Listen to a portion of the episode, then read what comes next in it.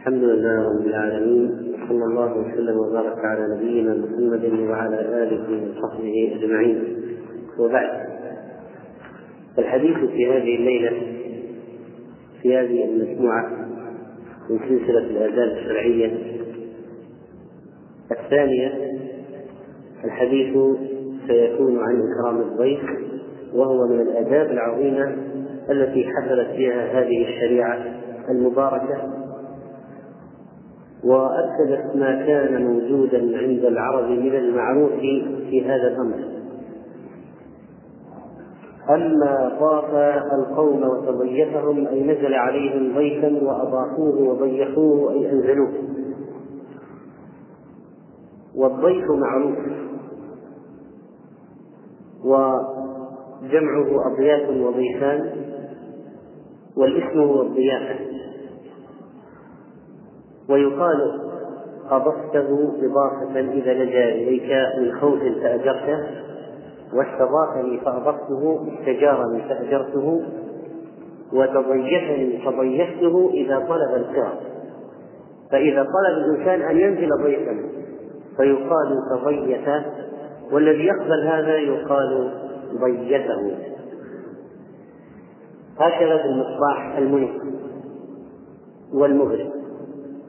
والضيافة من آداب الإسلام وشرائعه وأحكامه وهي من سنن المرسلين وأول من ضيف الضيف إبراهيم عليه السلام كما جاء ذلك في الحديث الصحيح عن النبي صلى الله عليه وسلم.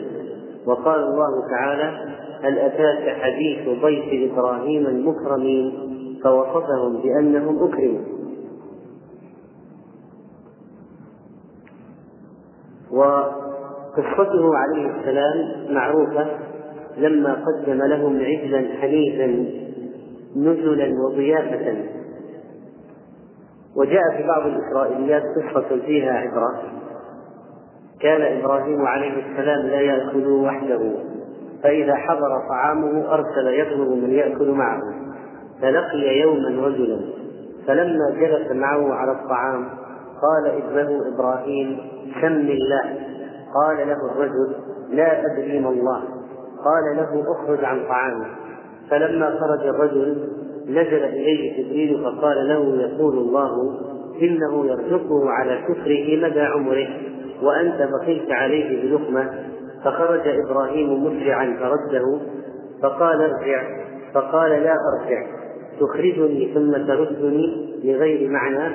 قال فأخبره بالأمر. فقال هذا رب كريم آمنت ودخل وسمى الله وأكل مؤمنا.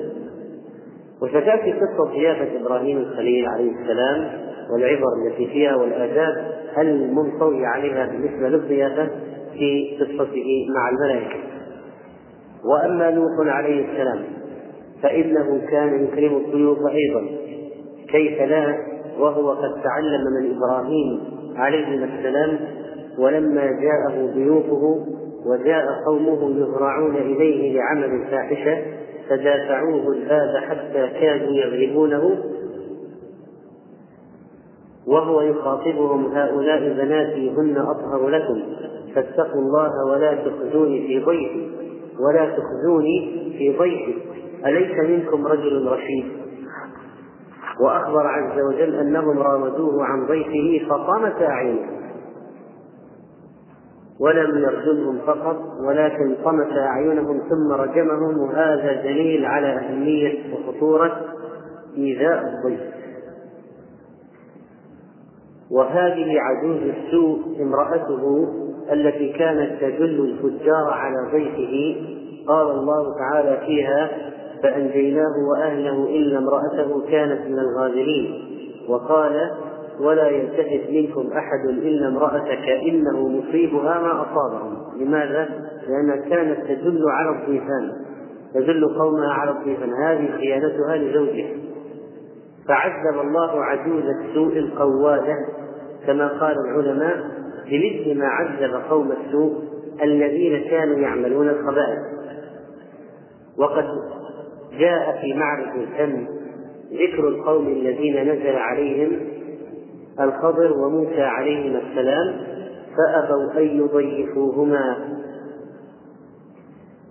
وأما نبينا صلى الله عليه وسلم فقد كان أعظم الناس في إكرام الضيف على الإطلاق وقد وصفته خديجة بمثل ذلك من أيام الجاهلية.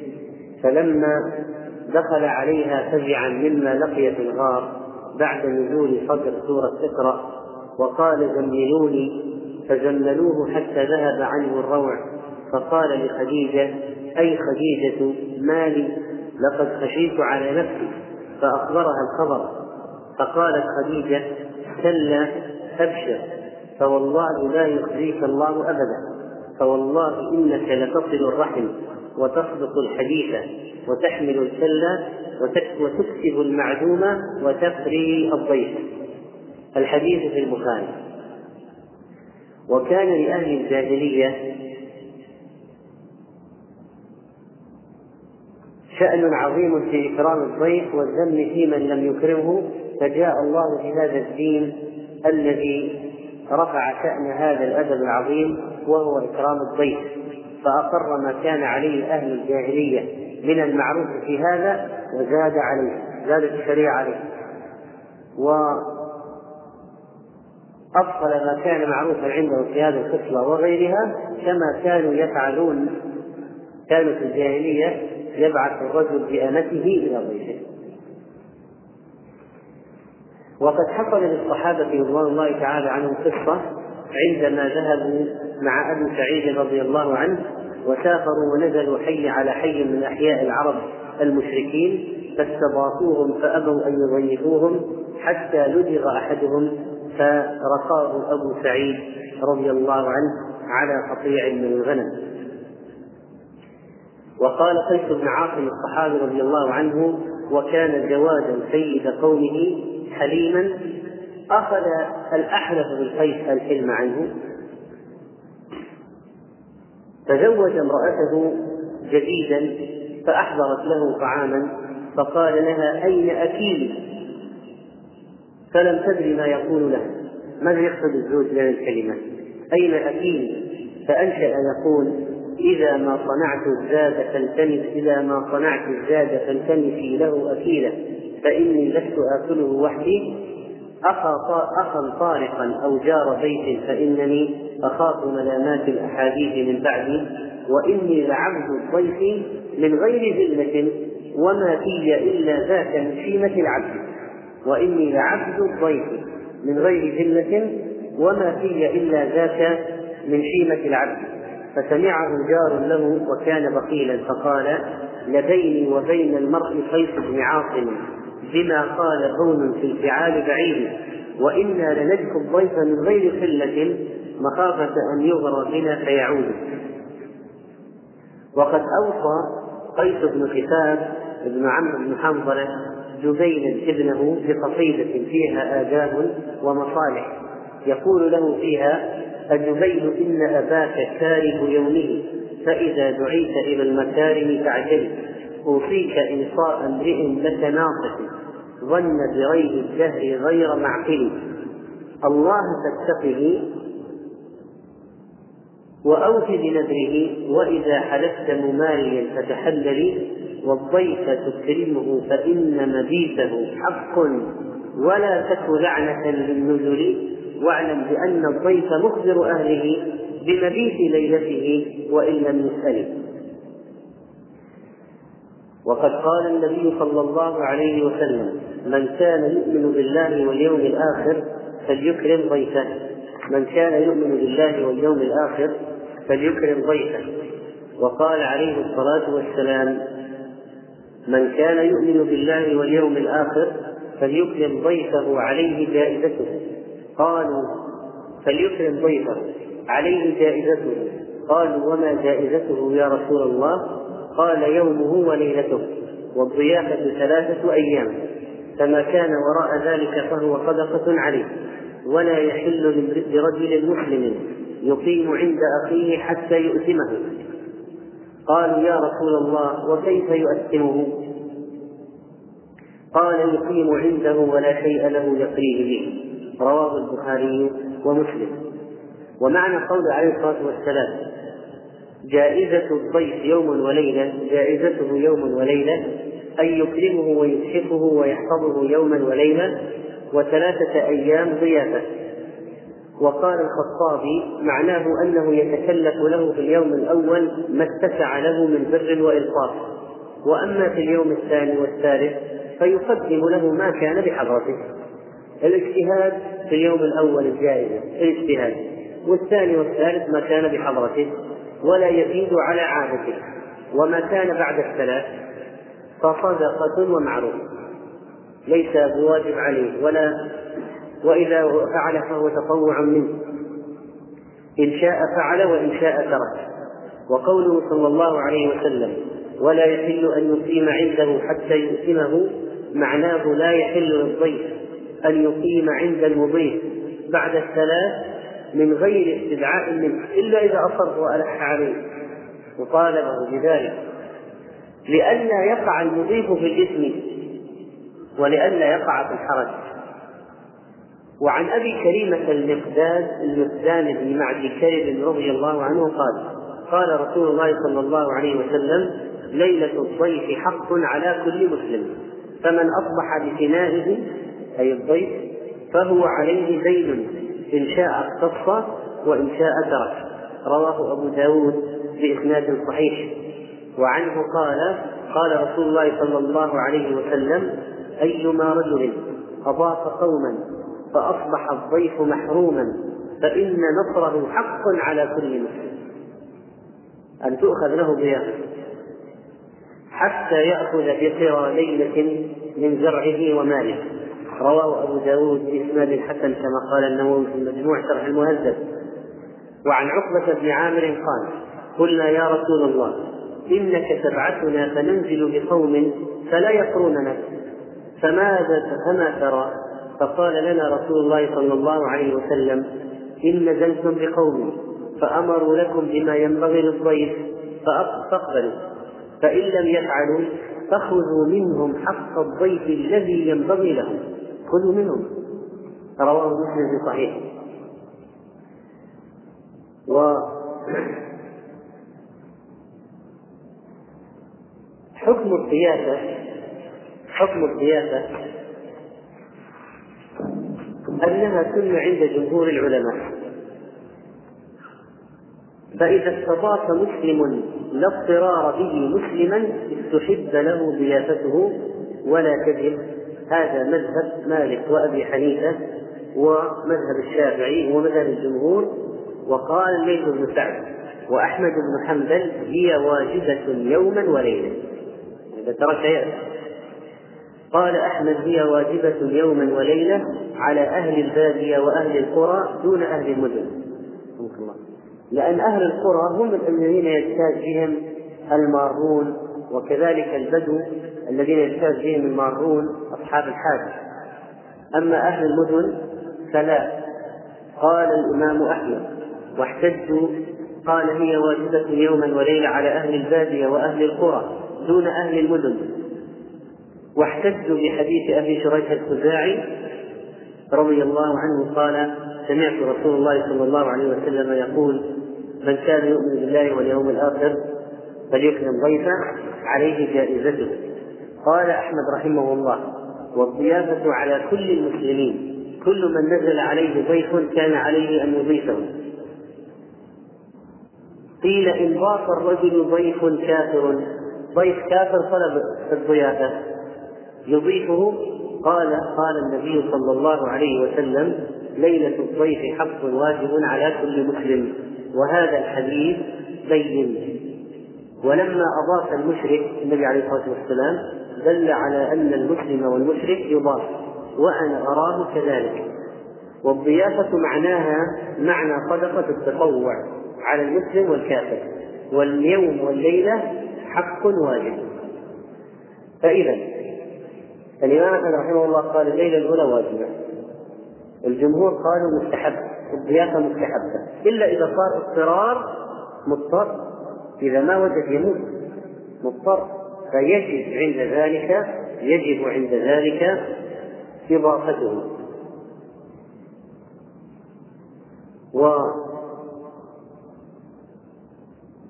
قول الواجب يوم وليلة والكمال ثلاثة أيام قول كما ورد عن الإمام أحمد رحمه الله تعالى. واليوم هذا داخل في الثلاثة. داخل في الثلاثة. ومن امتنع من إضافته فللضيف بقدر ضيافته. قال الإمام أحمد رحمه الله له أن يطالبهم بحقه الذي جعله له النبي صلى الله عليه وسلم. يقول هذا حق الليلة حق. فيجوز أن يأخذ منهم ثمن الضيافة التي منعوها إياه. قال أحمد رحمه الله ولا يأخذ شيئا إلا بعلم أهله. وفي رواية أن له أن يأخذ ما يكفيه بغير إذنه. لو جاء معه أن يطوف ليلا واجبة في البادية أو في القرى يأخذ بغير إذنهم في رواية أخرى. واستدل بحديث فخذوا فإن لم يفعلوا فخذوا منهم حق الضيف الذي ينبغي لهم. وكذلك سأل أسرم الأسرم أبا عبد الله أحمد رحمه الله عن الضيافة. أي شيء تذهب فيها؟ قال هي مؤكدة وكأنها على أهل الطرق والقرى الذين يمر بهم الناس أوسد فأما مثلنا الآن فكأنه ليس مثل أولئك. هذه عبارة مهمة ذكرها ابن سلام رحمه الله في المغني نقل نقل عن الإمام أحمد رحمه الله. قال وكأنها الوجوب على أهل الطرق والقرى الذين يمر بهم الناس أوسد المارين في طرق السفر. وهذا قد ينطبق على بعض الذين أصحاب المحطات مثلا قد ينطبق على بعض أصحاب المحطات مثلا. قال فأما مثلنا الآن يعني في بغداد في البلد التي كان فيها الإمام أحمد رحمه الله فكأنه ليس مثل أولئك. وذكرنا أن الليث بن سعد رحمه الله ذهب إلى أن الضيافة واجبة واستدل بحديث من كان يؤمن بالله واليوم الآخر فليكرم ضيفه فليكرم ضيفه. ولا شك أنها من مكارم الأخلاق وحسن المعاملة بين الخلق. واحتج الجمهور بقوله فليكرم بأن الكرامة من خصائص الندب دون الوجوب كما ذكر ذلك ابن العربي رحمه الله في أحكام القرآن. فهذا بالنسبة لأهل البدو ولأهل القرى ولأهل الحضر. فهي إذا على أهل القرى الوجوب على أهل القرى والبادية بخلاف أهل الحضر. وقد ذكر وقد ذكر بعض الفقهاء في تعليل هذا قال وهو سحنون رحمه الله من المالكية الضيافة على أهل القرى. وأما أهل الحضر فإن المسافر إذا قدم الحضر وجد منزلا وهو الفندق. وإنما أراد بذلك أنه يتأكد الندب إليه. ولا يتعين على أهل الحضر بعينه على أهل القرى لمعان. أحدها أن ذلك يتكرر على أهل الحضر فلو التزم أهل الحضر الضيافة لما خلوا منها وأهل القرى ينظر ذلك عندهم ويقل فلا تلحقهم بذلك مشقة. والوجه الآخر أن المسافر يجد في الحضر من المسكن والطعام وغير ذلك ما يحتاج إليه فلا تلحقه المشقة لعدم الضيافة. عنده فنادق عنده مطاعم وأما في القرى الصغار فلا يجد ما يحتاج إليه مطاعم أو مبيت ما يجد قد لا يجد طريق فهو كالمضطر إلى من يضيفه. وحكم القرى الكبار التي توجد فيها الفنادق والمطاعم للشراء ويكثر ترداد الناس عليها حكم الحضر والله أعلم وأحكم. وهذا في من لا يعرفه الإنسان. وأما من يعرفه معرفة مودة أو بينه وبينه قرابة أو بينه وبينه معنى يقتضي المواصلة والمكارمة فحكمه بالحضر وغيره سواء والله أعلم فأما بالنسبة لثبوت الحق فهل يأخذه بإذنه أو بغير إذنه؟ تقدم القولين عن تقدم القولان عن الإمام أحمد رحمه الله ولكن هنا ملاحظة أشار لها ابن تيمية في إعلام الموقعين وابن رجب في القواعد وهي أن الحق إذا كان سبب ثبوته ظاهرا فلمستحقه أن يأخذ بيده إذا قدر عليه كما أفتى به النبي صلى الله عليه وسلم هندا وأفتى به الضيف إذا لم يقره من نزل عليه. أو إذا لم يكره من نزل عليه. كما في سنن أبي داود قال فإن أصبح ببنائه محروما كان دينا عليه. إن شاء اقتضاه وإن شاء تركه. وفي رواية فعز نزل بقوم فعليهم أن يقروه فإن لم يقروه فله أن يعقبهم بمثل قراءة. يعني لو ذاك سورة فكذب. أنت ما مسلم حق الواجب قال وإن كان سبب الحق خفيا لم يجز له ذلك. كما أفتى النبي صلى الله عليه وسلم في قوله أد الأمانة إلى من ائتمنك ولا تكن من خانك إعلام الموقعين فإذا لو واحد نزل عليه. قالوا ما لك شيء خل اجلس إلى يوم القيامة. ما لك شيء حقه واضح للناس الغادين والرائحين حقه واضح. فلو أخذه بغير إذنهم وعدا على غنم لهم أو على شيء فأخذه بالإكراه فحقه سببه إيش؟ واضح. يعني لو لو أخذ لا يتهم عند الناس. كذلك المرأة البخيلة المرأة التي زوجها بخيل نفقتها واجبة عليه ما أعطاها. فهي تأخذ منه تأخذ منه هذا حق. ولو بغير إذنه لكن لو كان سبب الحق خفيا. واحد استلف منك مالا ثم استأمنك على مال ما يجوز أن تختلف منه خفية.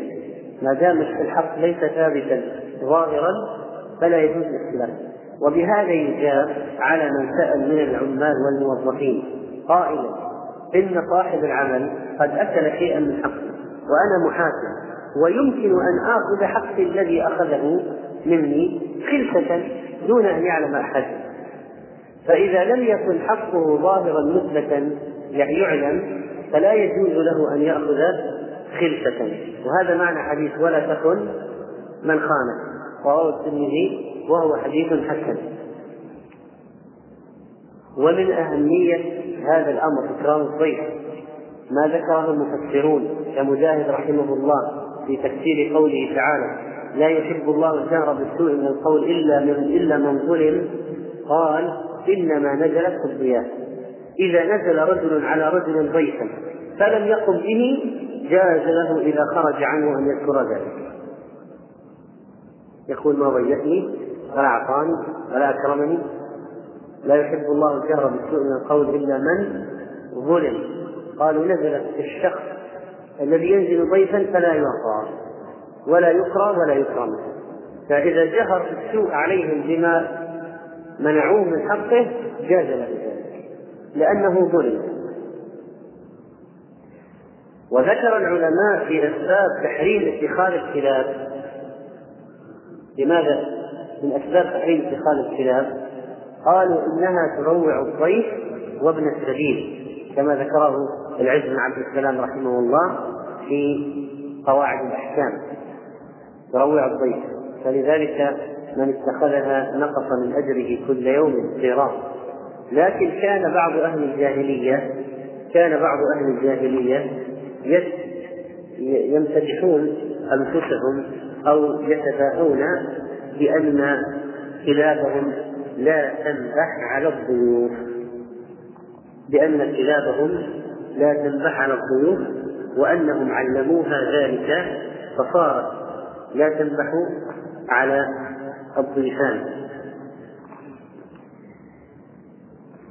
ف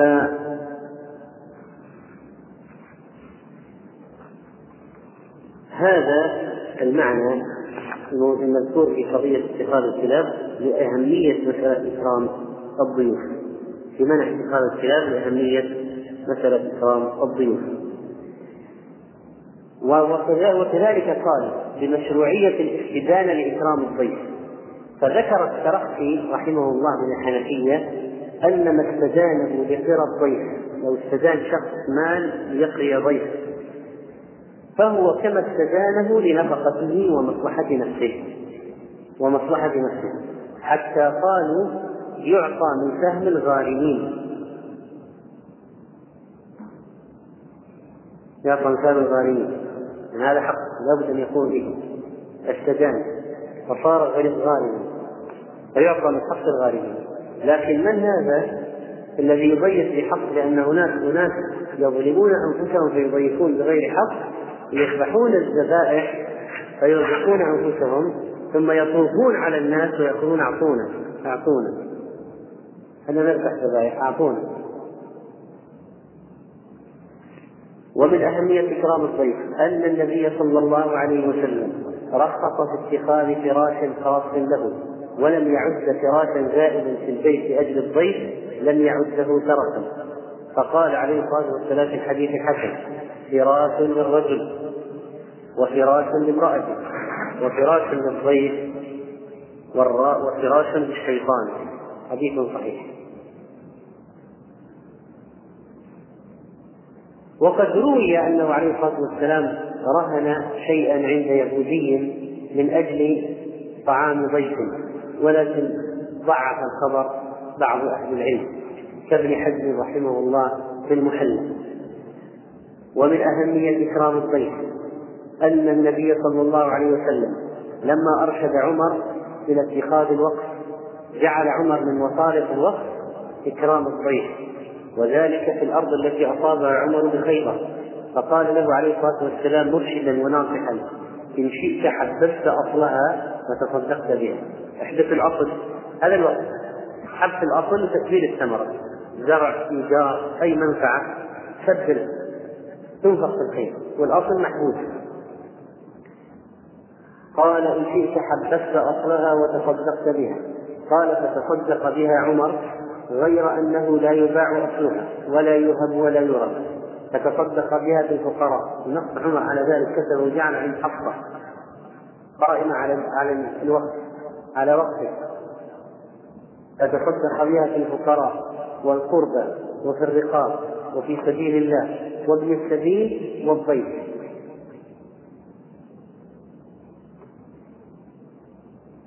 وقد روى ذلك البخاري رحمه الله وعبد الرزاق وغيرهم من أهل العلم. حديث مشهور. ومن إكرام الضيف نبدأ بإكرام الضيف بما جاء عن إبراهيم الخليل عليه السلام ثم ما جاء في السنة وفي قصص الصحابة رضوان الله تعالى عليهم كلام العلماء في كتب الأدب.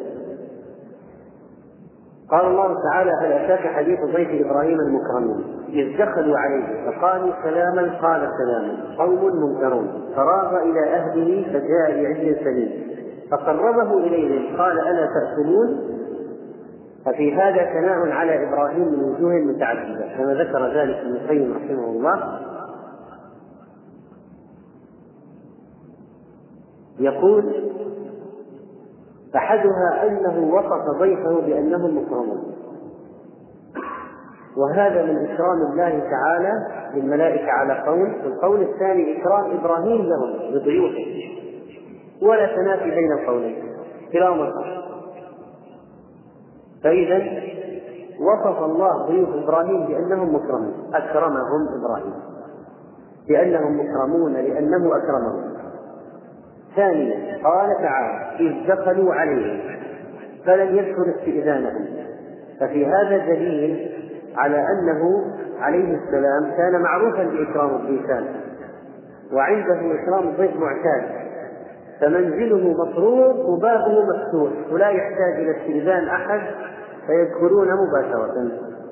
بل إن استئذان الداخل هو دخوله وهذا غاية ما يكون من الكرم.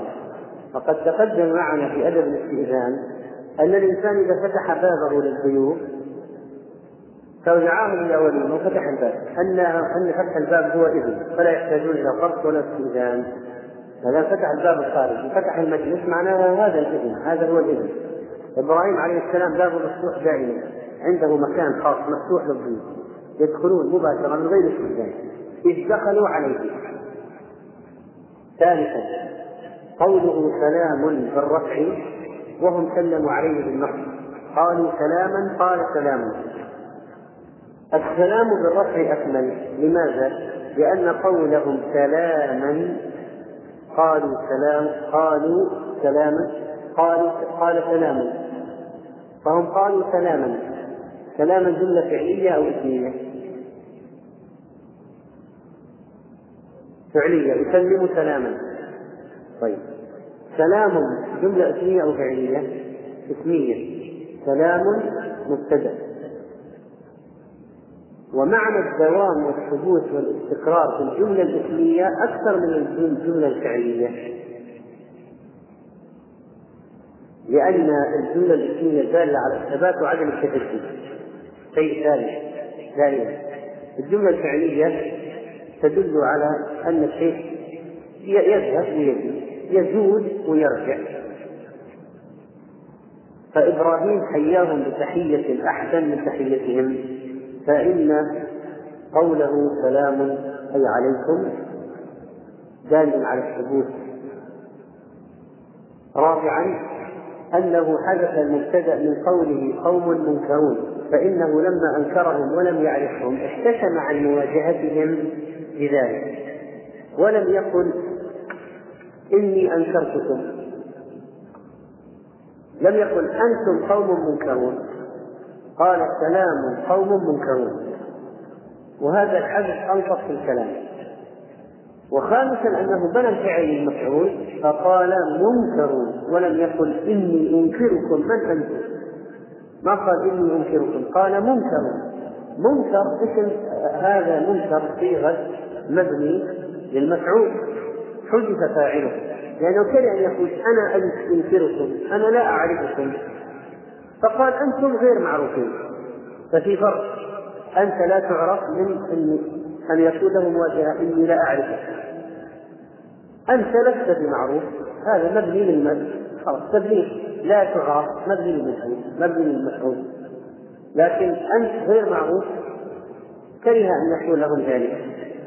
فهذا أبعد عن التنفير والمواجهة والخشونة سادسا أنه راغ إلى أهله ليجيئهم بالنزل وهي الكرامة والروغان هو الذهاب باختفاء بحيث لا يشعر به الضيف وهذا من كرم رب المنزل المضيف أن يذهب باختفاء حتى لا يشق على الضيف ويستحي. فلا يشعر الضيف إلا وقد جاءه بالطعام بخلاف من يطمع ضيفه ويقول لمن حضر مكانكم حتى آتيكم بالطعام. فحفظ مشاعر الضيف من إكرامه وعدم إخراجه أيضا من إكرامه. سابعا أن إبراهيم ذهب إلى أهله فجاء بالضياء. وذلك معناها أنه كان بيته مستعدا للإكرام ولم يذهب إلى السوق ليشتري أو يذهب إلى الجيران يستعير أو يذهب يقترب وإنما كل شيء جاهز عنده في البيت. يعني مجهز البيت لخدمة الضيوف مجهز. لخدمة الضيوف. ف... فهذا ما حصل. ثم مجيئه بسرعة. فراغ إلى أهله فجاء. ما قال فراغ إلى أهله ثم جاء. ثم تقتضي التراخ الفاء على التعب مباشرة. فراغ إلى أهله فجاء. وهذا يدل على أن يوجد استعداد دائما. ما عنده خبر أن هؤلاء سيأتون؟ وعنده خبر؟ دخلوا عليه. فاجأوه.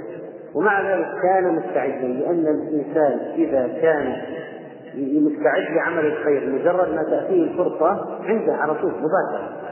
أما الذي ليس بمستعد والمسألة ليست في باله وغير متهيئ لها فإذا فوجئ بها تفوت الفرصة حتى يأتي.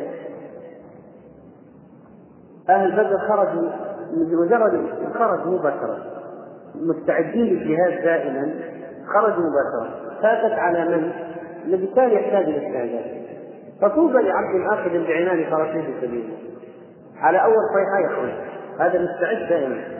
فإذا الاستعداد لعمل الخير يكسب الإنسان فرصا عظيمة كما يأتي لصلاة الجمعة مستعد دائما للصدقات. مثلا في هذا اليوم الفضيل بخلاف ما يأتي يأتي مثلا تأتي فرصة عظيمة ثم يسحب واحد فلا يأتي ويذهب ليختلف أو ليبيت ويرجع يكون الفرصة تكون فرصة ذهبت فالمسألة هي قضية آه، زيادة الإيمان ومستوى الإيمان المرتفع في الاستعداد الدائم للخيرات. إبراهيم عليه السلام كان مستعدا للاستمرار لعمل الخير. ثم جاء بعجل ثمين. من الذي جاء؟ هو. وليس الخادم ولا السائق ولا صاحب المطعم. هو الذي جاء بالعجل بنفسه جاء به بنفسه. وهذا أبلغ في الإكرام أن يأتي الإنسان بالضيافة لضيفه بنفسه ولو كان عنده خدم. يأتي به بنفسه. ولم يقل فأمر لهم بعجل ثمين بل هو الذي ذهب. وهذا أبلغ في إكرام الضيف. كذلك أنه جاء بعجل كامل عاشرا. جاء بعجل كامل ولم يأتي ببعض منه. وهذا من تمام كرمه بعجل كامل. وليس فخذ ولا كفوف ولا ظهر بعجل كامل. والعجل البقر الصغير لحمه من أطيب اللحوم وليس بقرا غليظا. والحادي عشر أنه ثمين لا هزيل ومعلوم أن ذلك من أفخر أموالهم يذبح العجل الصغير هذا إكرام متناهي لأن العجل الصغير عادة يتخذ الاقتناء والتربية ولكن آثر به في ثانه وجاءهم بهذا الصغير ذا اللحم الطري لأجل إكرامه الثاني عشر. أنه قربه هو أيضا بنفسه. فقربه ولم يكن الخادم قربوه أنتم أو قربوا غلام قرب المائدة يا غلام. وإنما قربه هو. ولم يأمر خادمه بذلك. الثالث عشر. من من معالم إكرام الضيف في قصة إبراهيم أنه قربه إليهم ولم يقربهم إليه. وهذا أبلغ في الكرامة أن تجلس الضيف ثم تأتي له بالطعام إليه وتحمله إلى حضرته ولا تضع الطعام في ناحية ثم تأمر ضيفك أن يختلف إليه. طبعا الآن في البيوت هذا قد يكون شبه متعثر لأن الألوان كثيرة. فسيأتي بهذا وبهذا وبهذا يضعونه يجهزونه ثم يقول الضيوف بأن يدخل. لا حرج في ذلك لا حرج. هو من الإكرام أيضا على أي حال. ليس ليس من ضد الإكرام. لكن إذا جيء به وسيق به إليهم أفضل أحسن. تفرض أن عندك شيئا لا يشك نقله. فجئت به على عربة. إليه أو على طاولة. تدرج إليه تدرج بها إليه. هذا أولى من تضعه تعالى أو انزلوا ونحو ذلك. الرابع عشر أنه قال ألا تأكلون؟ فاستخدم أسلوب العرض. ألا من أساليب العرض في اللغة. ألا تأكلون؟ وهذا ترفض وهذا أحسن من أن يقول كلوا مدوا أيديكم. ما لكم لا تمدون أيديكم. نحن جبناه لمن؟ قال ألا تأكلون؟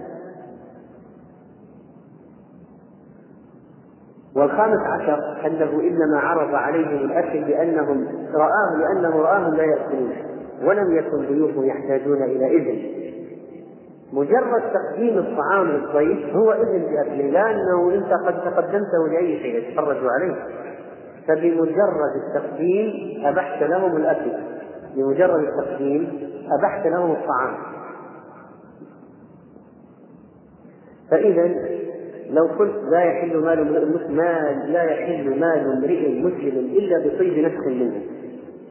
فيقال قال لم يأذن. فيقال إن مجرد التقديم عرفا هو إذن بالأكل فحلال عليه أن طيب فلماذا قال إبراهيم ألا تأكلون؟ لأنه لاحظ أنهم لا يأكلون، هنا هو بالأصل لما قدمه إليهم تقديمه كامل في الإذن والبداء والبدء ولا يحتاجون إلى كلمة تفضل. لكن لما رأى أنهم لا يأكلون قال ألا تأكلون؟ ولهذا أوجس منهم خيفة واحسها ثم من الأدب كذلك أنهم لما امتنعوا عن الأكل من طعامه وخاف منهم لم يظهر لهم ذلك الخوف أوجس منه خيفة وإخفاء لكن الملائكة علمهم الله قالوا لا. وبشروه بالغلام. فجمعت هذه الآية آداب الضيافة التي هي أشرف الآداب قال ابن القيم رحمه الله وما عداها من التكلفات التي هي تخلف وتكلف إنما هي من أوضاع الناس وعوائدهم وكفى بهذه الآداب شرفا وفخرا وصلى الله على إبراهيم. ومن الآداب فتح الباب للضيف قبل وصوله. قال الله تعالى حتى إذا جاءوها وفتحت أبوابها. أي وقد فتحت أبوابها. فأبواب جهنم لا تفتح إلا عند دخول أهلها فيها. وأما أبواب الجنة فمتقدم فتحها بدليل قوله تعالى جنات عدن مفتحة لهم الأبواب. مفتحة. قبل ما يدخل وذلك لأن تقديم فتح الباب في الضيافة على وصول الضيف تقديم فتح الباب على وصول الضيف أن يفتح له قبل أن يأتي. هو إكرام له. وتأخير فتح باب العذاب على أهل جهنم من باب المفاجأة حتى يؤخذوا بأشد الأخذ هو من زيادة العذاب. فلذلك إذا جاءوها فتحت أبوابها ومن إكرام الضيف إيثاره. وقد جاء في صحيح البخاري في القصة العظيمة التي عجب الله من أصحابه وضحك إليه. وإذا ضحك الله إلى عبد فلا عذاب عليه. ذلك دليل رضاه عز وجل عنه. هذه القصة التي أخفيت بالليل فنشرها الله في الصباح. وأنزل الوحي بها على النبي عليه الصلاة والسلام أن الله في السماوات عجب وضحك إلى هذين الصحابيين الجليلين الرجل وزوجته. والقصة عن أبي هريرة رضي الله عنه أن رجلا أتى النبي صلى الله عليه وسلم. جاء يريد من يضيفه فبعث إلى نسائه عليه الصلاة والسلام فقلنا ما معنا إلا الماء وهذا البيت أعظم قائد الأمة ما عنده إلا الماء فقال رسول الله صلى الله عليه وسلم من يضم أو يضيف هذا؟ فقال رجل من الأنصار أنا. فانطلق به إلى امرأته فقال أكرمي ضيف رسول الله صلى الله عليه وسلم.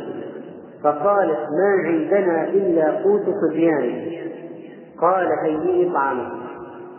وأصبحي قراءتك ونومي صبيانك إذا أرادوا عشاء. إذا طلبوا الأكل نومي. فهيأ الطعام وأصبحت سراجها يعني أشعلت السفينة. ونومت صبيانها ثم قامت كأنها تصلح سراجها كأنها حركة حميمة. فأطفأته. فجعل يريانه أنهما يأكلان وليس من الأدب أن تغلق النور على الضيف وإن كانت بعض الناس عندهم عادات ضيافة شيء أنزل الله فيه من سلطان وشيء ما أنزل الله به من سلطان. فبعضهم يغلق النور على الضيف يقول حتى ما يستحي. وبعضهم لا يحضر مع الضيف نهائيا. وبعضهم وبعضهم لذلك ابن القيم قال تخلف وتكلف في أشياء. وإذا وضع الضيف اصبعه في العين لازم ذبيحه ثانية. وإذا وضع كذا هذه أشياء يعني من ما أنزل الله بها من سلطان تخلف وتكلف. ف بطبيعة الحال لابد من استراج لأجل أن يرى الضيف يدخل على بيت منير. لكن في نفس في الوقت نفسه ستكون هناك تمثيلية أخرى بعد قليل. بأنهما يريان أنهما يأكلان وهما لا يأكلان حتى لا يشعر هو بالحرج من الطعام إنهما لا يأكلان. فلذلك قامت كأنها تطفئه كأنها تصلحه فأصلت فجعل يريانه أنهما يأكلان. بالصوت.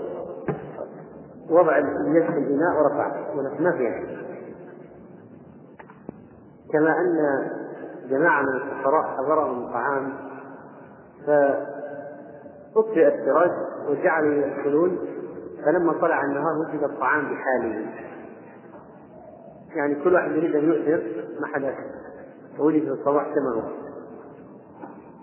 قال فأطفأته فجعل يرياني أنهما يأكلان فباتا طاويين فلما أصبح الضيف وصاحب البيت غدا إلى رسول الله صلى الله عليه وسلم. فقال النبي عليه الصلاة والسلام ضحك الله الليلة أو عجب من فعالكما فأنزل الله ويؤثرون على أنفسهم ولو كان بهم خصاصة ومن يوق شح نفسه فأولئك هم المفلحون. رواه البخاري. فهذا الموقف العظيم إكرام الضيف وإيثاره بطعام الزوج والزوجة وصاحب البيت وزوجته والأطفال هذا موقف ذكر في السماء. فضحك الرب فرضي عنهما. وأنزلت آية في القرآن بسبب هذا الموقف. بسبب إكرام الضيف نزلت آية آية في القرآن. ويؤثرون على أنفسهم ولو كان بهم خطأ جوع حاجة. قال العلماء إن طعام الأولاد مقدم على طعام البيت شرعا. ولكن إذا كان ينزل بهم جوع خفيف لا يضرهم جاز تقديم الضيف كما حصل في هذه الآية. وتغلب إكرام الضيف على مشاعر الجياشة للأب والأم لأجل الفقير الذي من الذي أرسله؟ رسول الله صلى الله عليه وسلم. ودعا قال أنا رجل يضيف هذا الليل يرحمه الله. هذه كلمة كافية يرحمه الله الدعاء يرحمه الله كافية في أن يأخذ الضيف ويقدمه على نفسه وزوجته وأولاده ويطعم هذه. فكان موقفا عظيما ذكر في السماء ونزل إلى الأرض وأخبر به أهل الأرض وكان فيه إخلاص واضح جدا في إطفاء السراج.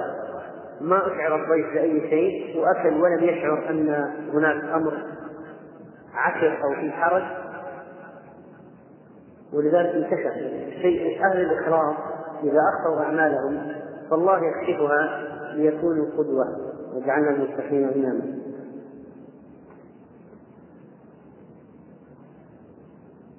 ومن إكرامه كذلك أن الإنسان ولو كان صائما ومن أصحاب عبادة الصيام فإنه لأجل الضيوف فإنه لا ينسى الطعام لأجل الضيوف. فعن أبي أمامة قال قلت يا رسول الله مرني بعمل أدخل به الجنة. فقال عليك بالصوم فإنه لا مثل له. يعني في الأجر نقول لا مثل له. قال الراوي فكان أبو أمامة لا يرى في بيته الدخان نهارا. ما في فقر في الصيام دائما الصيام. إلا إذا نزل به ضيف فيرى الدخان نهارا. رواه عبد الرزاق في المصنف. بل إن الإنسان لا بأس أن يفطر لأجل الضيف إذا كان صائما صوما مستحبا لا بأس أن يفطر إذا كان يشق على الضيف أن يبقى صاحب البيت صائما.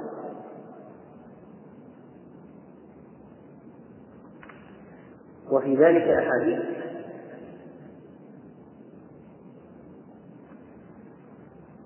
وقال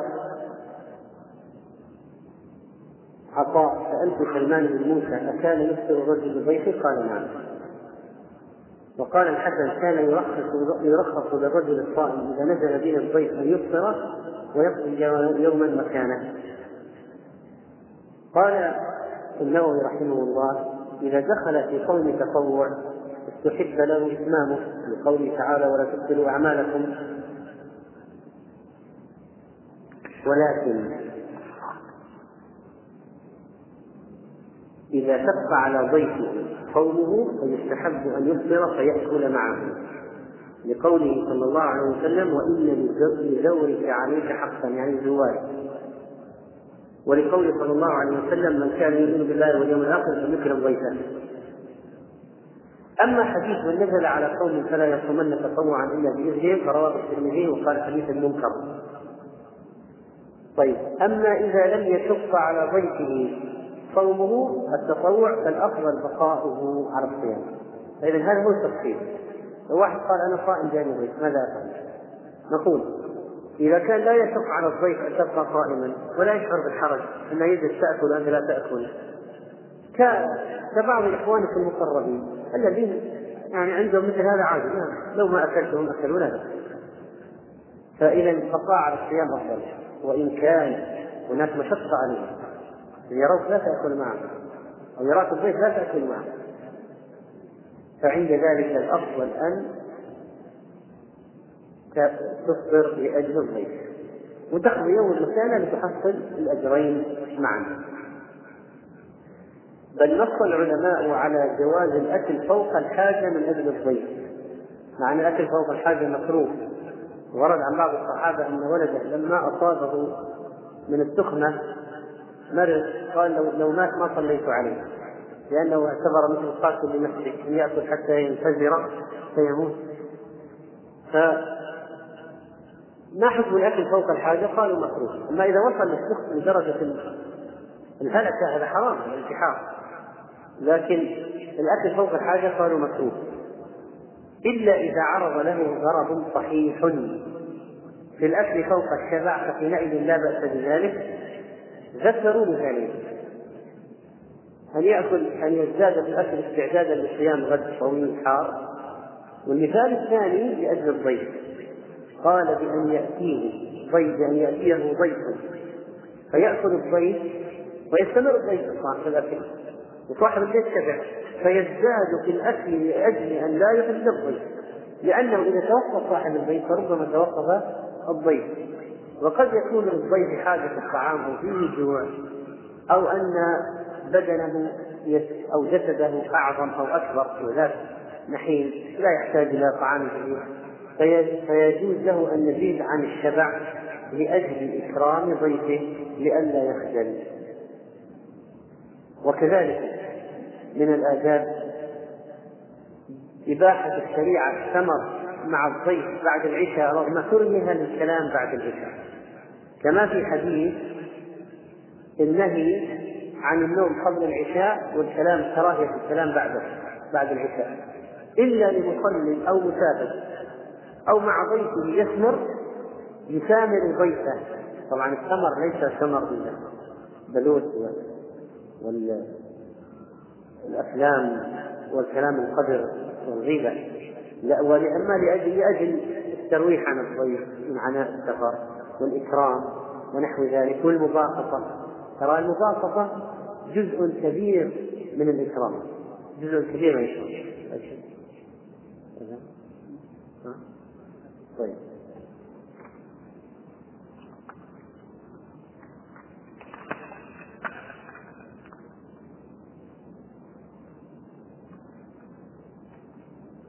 طيب سياتي مزيد من الكلام عن سياسه المشرك والتفصيل فيها. إذا أكل إذا كان الإنسان ضيفا ثم أكل وبعد ذلك أتى ضيف آخر فهل الضيف الأول يأكل معهم؟ لا بأس. وإذا لم يأكل أيضا فلا حرج.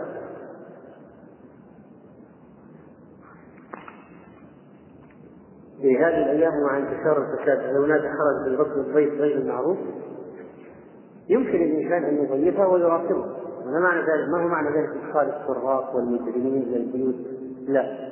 وسيأتي مزيد بهذا إن شاء الله في الدرس القادم. صلى الله عليه وسلم على نبينا أيها الأحبة الكرام نرجو مواصلة الاستماع على الملف التالي. وجزاكم الله خيرا.